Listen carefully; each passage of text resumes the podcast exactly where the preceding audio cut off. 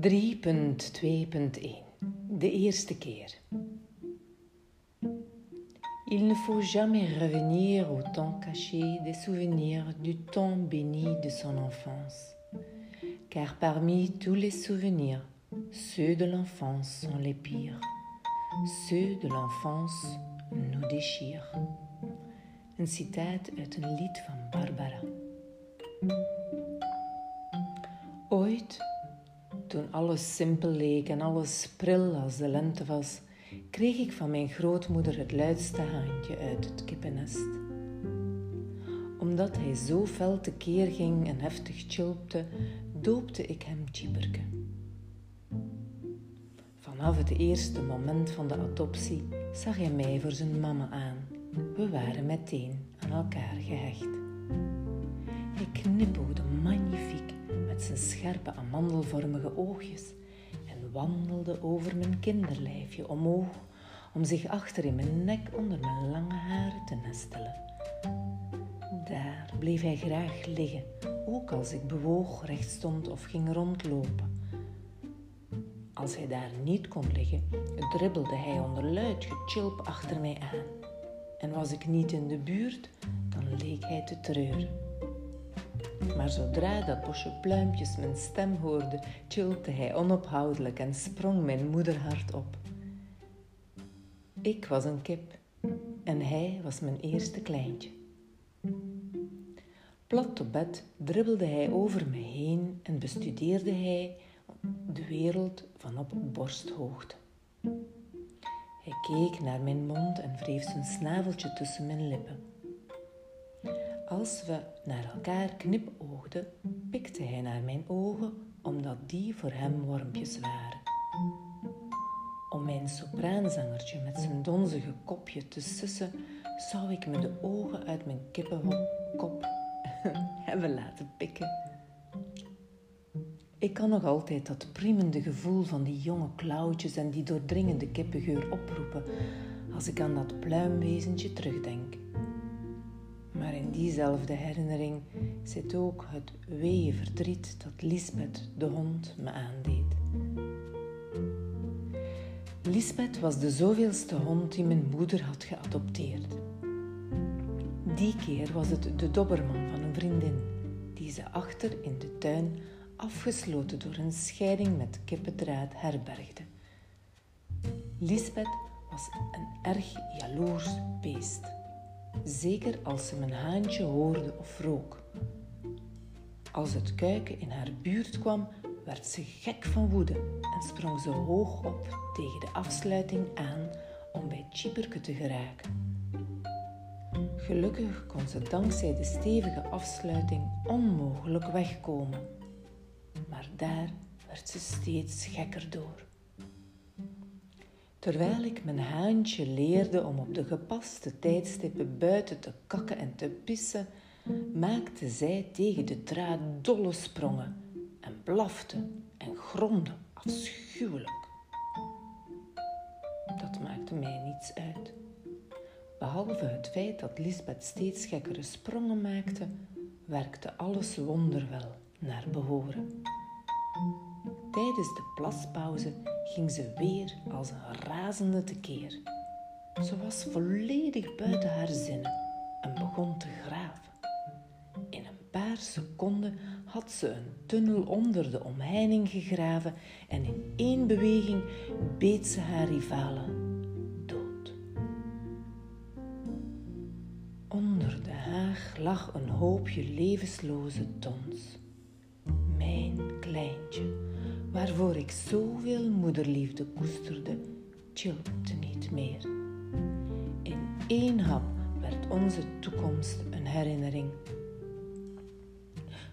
Tjieperke, jammerde ik. En ik staarde naar de heg waar hij onder hooggezang altijd zijn behoeftes deed. Er gonsde veel bijen, maar daar was hij niet bang voor geweest. Krabde in de grond pikte in het rond en wierp zijn kakjes vrij uit. Ik had altijd vredig naar mijn kleine wonder staan kijken, als naar een vertraagde wereld. Die was echter onaangekondigd, brusk veranderd in een wereld van kwaad, waarin fracties van seconden drastisch en vlug, vlug alles hadden omgegooid. Te vlug om mijn angst te bedwingen. De schrik om zelf gebeten te worden was sterker geweest dan mijn lauw ontwikkeld moederinstinct en mijn reflex om mijn kuikentje te redden van de afgunstige tanden. Ik was een laffe moeder geweest. Tot op vandaag voel ik me schuldig om zijn dood en haat ik mezelf daarvoor. Op slag haatte ik ook onze hond. Ik veracht dat wilde beest, ook al was ze eigenlijk altijd een zoet speelkameraadje voor mijn broer en mezelf geweest. De trouwe hond had ons altijd warmte, liefde en aandacht en eeuwige vriendschap geschonken. Ze was onze pony en ik had gehouden van haar warme, lieve lijf en de vele liefkozingen. Alles mocht van de hond, alles zolang zij alle aandacht kreeg. Maar nu was alles in een paar seconden anders. Lisbeth had Chieperke vermoord. Die dood completeerde mijn eenzaamheid. Nu was er niemand meer. Mijn somberheid onderstreepte het gemist aan nestwarmte en liefde. Ik richtte mijn verdriet op een pop die Barbara heette. Ze was groot, ze reikte tot voorbij mijn middel. Haar ogen, waarmee ze zelden knipperde, keken recht voor zich uit, altijd naar hetzelfde punt, alsof ze in het oneindige keek. Ik had haar nooit gemogen. Ik had moeite met de standvastigheid waarmee ze altijd aanwezig bleef. Ze liep nooit weg, maar wachtte geduldig tot ik haar opraapte waar ik haar had gesmeten. Ik mocht haar niet en na de dood van het kuiken, dat wel een eigen wil had gehad, kon ik haar aanwezigheid niet meer verdragen. Ik trok aan haar haar omdat ze zo volgzaam was. Ik slingerde haar door de kamer omdat ze trouw aan me was. Met een schaar sneed ik haar haren kort in pieken tot er kale plekken op haar hoofd zaten. En terwijl ik op haar kop klopte om me af te reageren, werd ik steeds kwaader. Ik zette haar op een schoolbank en vuurde mijn vragen op haar af. Ze wist die feilloos te beantwoorden, waarop ik haar van de stok gaf, zoals ze dat met mij op school deden als ik iets stoms deed. Was zichtbaar de versmelting van de samenkomst van mijn vaders zaadcel en de eicel van mijn moeder. Er groeide een leeg gat in mij, een krater die af en toe uitbarstte. Ik miste er wel een paar. Tijdens de conceptie moeten mijn hersenen doorlichtwonden hebben gekregen. Ik overdrijf misschien wel wat, maar het komt erop neer dat ik radeloos was. Ik voelde me verloren. Ik miste mijn pluimbol en die en dit ontsluierde in mij mijn innerlijke, de dagelijkse werkelijkheid waarin ik leefde. De complexiteit van twee onbekwame ouders en het chronische tekort aan liefde was ineens zo prangend. In een roes van verdriet raakte ik bedolven door rauwe wanhoop.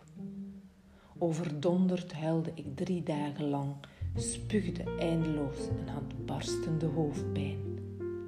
Het was mijn eerste migraine. De dood van Chieperke vergolde op de kop van Barbara en het einde van mijn vriendschap met de hond waren niet voldoende om eruit te krijgen wat in mij raasde. Ik vervloekte mezelf en kotste en kotste tot alles eruit was, tot bitter kuikengele gal. Ziek en miserabel begreep ik dat er niets anders op zat dan mij aan die ellendige pijn over te geven. Dat ik, wanneer het kloppen in mijn kop begon, zoals dit allicht ook bij Barbara was gebeurd, voorover moest buigen en alles teruggeven wat in mij zat. Ik moest overgeven en nog eens overgeven. Er zat niets anders op. Die eerste migraine kwam in een omgeving van woede, verdriet, onmacht en schuldgevoelens. En dat is haar sterkste kant gebleven. Veel later zou migraine zich vaak in een gelijkaardig patroon van ontreddering herhalen. Hevige emoties, verdriet en schuldgevoelens zijn toptriggers. Na die eerste aanval keek ik nauwelijks nog naar Lisbeth om. Ik was ineens twee beestige vriendjes verloren. Uiteindelijk deed mijn moeder ook deze hond weg. Dat had niets met het voorval te maken. Ze deed het gewoon, zoals ze dat met elke hond pleegde te doen, en ook met ons, haar eigen kuikens. Mijn broer en ik woonden toen in het pensionaat. Elke zondagavond reden we naar Don Bosco in Heverlee. Tijdens de vakanties werden we bij onze grootouders in Galmaarde afgezet of elders, maar we waren zelden bij mama. Na de moord op Tjipperke herinnerde ik me in mijn kindertijd geen migraines meer. Misschien ben ik ze vergeten. Wat ik wel herinner is dat ik altijd moe was, vaak een bloedneus, hevige buik en maagpijn had en regelmatig lilliputters vooraan in de klas zag. Dat was een heel vervelende, dromerige toestand, waarvan ik nu pas dankzij Oliver Sacks weet dat het een migraine-aura was. De juf of andere figuren vooraan aan het bord verkleinden en ik kon me niet op hen concentreren. Wat er door de lilliputters op het bord werd geschreven, ging allemaal aan mij voorbij, zodat ik mijlen afstand had op alle leerstof. Wellicht waren er wel meer oorzaken die mijn aandacht van het schoolgebeuren hielden dan alleen maar die migraine-auras. Op een dag kroop ik met mijn dunne lijfje onder een rooster dat in de vloer van de speelplaats was verwerkt. Onze ballen vielen steeds weer achterin het rooster, maar niemand durfde achter het rooster te kruipen om ze op te halen. Op de lange duur waren er geen ballen meer om mee te spelen. Bijgevolg kroop ik achter de rooster en leunde met mijn rug tegen het raam dat erachter lag. Dat was een hoog raam dat op een paar meter hoogte op de kelder uitgaf. Vier gooide ik de ballen omhoog en de kinderen juichten. Het raam was vanuit de kelder met een meterlange stok opengezet, zodat het kipte op een kier. Toen ik volledig tegen het raam leunde om bij de laatste ballen in het gat te komen, duwde ik op mijn hurken tegen het raam. Het raam ging helemaal open en ik tuimelde diep naar beneden. Ik weet nog hoe de lucht door de klap uit mijn longen werd geslagen en dat iemand voorbij kwam die ik herkende. Ik stootte in mijn laatste adem naar haar naam uit gleed daarna weg in een comatueuze toestand. Hoe lang ik ben weg geweest, weet ik niet. Maar toen ik weer bijkwam, lag ik in een vreemd bed waar rond alle nonnen van de school verzameld stonden. Ze lachten, maar geen van hen riep er een dokter bij. Vele ogen keken bezorgd, maar niemand onderzocht of er schade was. De delicate zaak werd binnen de kloostermuren gehouden. In totaal ben ik als kind drie keren in een coma gevallen. Altijd recht op mijn kop. Drie keren had ik dood kunnen zijn. De allereerste val in de kelder bij mijn grootmoeder. Toen ze kolen brachten, keek ik nieuwsgierig toe en toen duwde mijn broer mij in het keldergat. Ik tuimelde de trappen af en kwam op de betonnen vloer terecht. Ik was drie jaar oud toen mijn grootmoeder me voor dood naar boven bracht. In haar armen hapte ik opnieuw naar adem. Hoe diep ik ook viel, mijn grootmoeder leerde me altijd weer opstaan. Op mijn jukbeen staat een litteken als herdenking aan haar liefde in de vorm van een hartje. Een bewijs dat heropstanding mogelijk is. Bij de tweede val zaten onder mijn onderste standen door mijn lip. Net onder mijn onderlip staat daar nu een streepje. Na elke val controleerde niet één keer een dokter of er een blijvend letsel of kneuzingen waren. Misschien ligt hier de oorzaak van de migraine en van alle bloedneuzen waarvan ik jarenlang last had. Een ander gebeuren waarvan ik me afvraag of het kan worden aangewezen als oorzaak, is een gesprek met mijn vader. Na dat gesprek in de lente van mijn vijftiende jaar kreeg ik de ene migraineaanval na de andere, alsof er in mijn hoofd een ware oorlog was uitgebroken.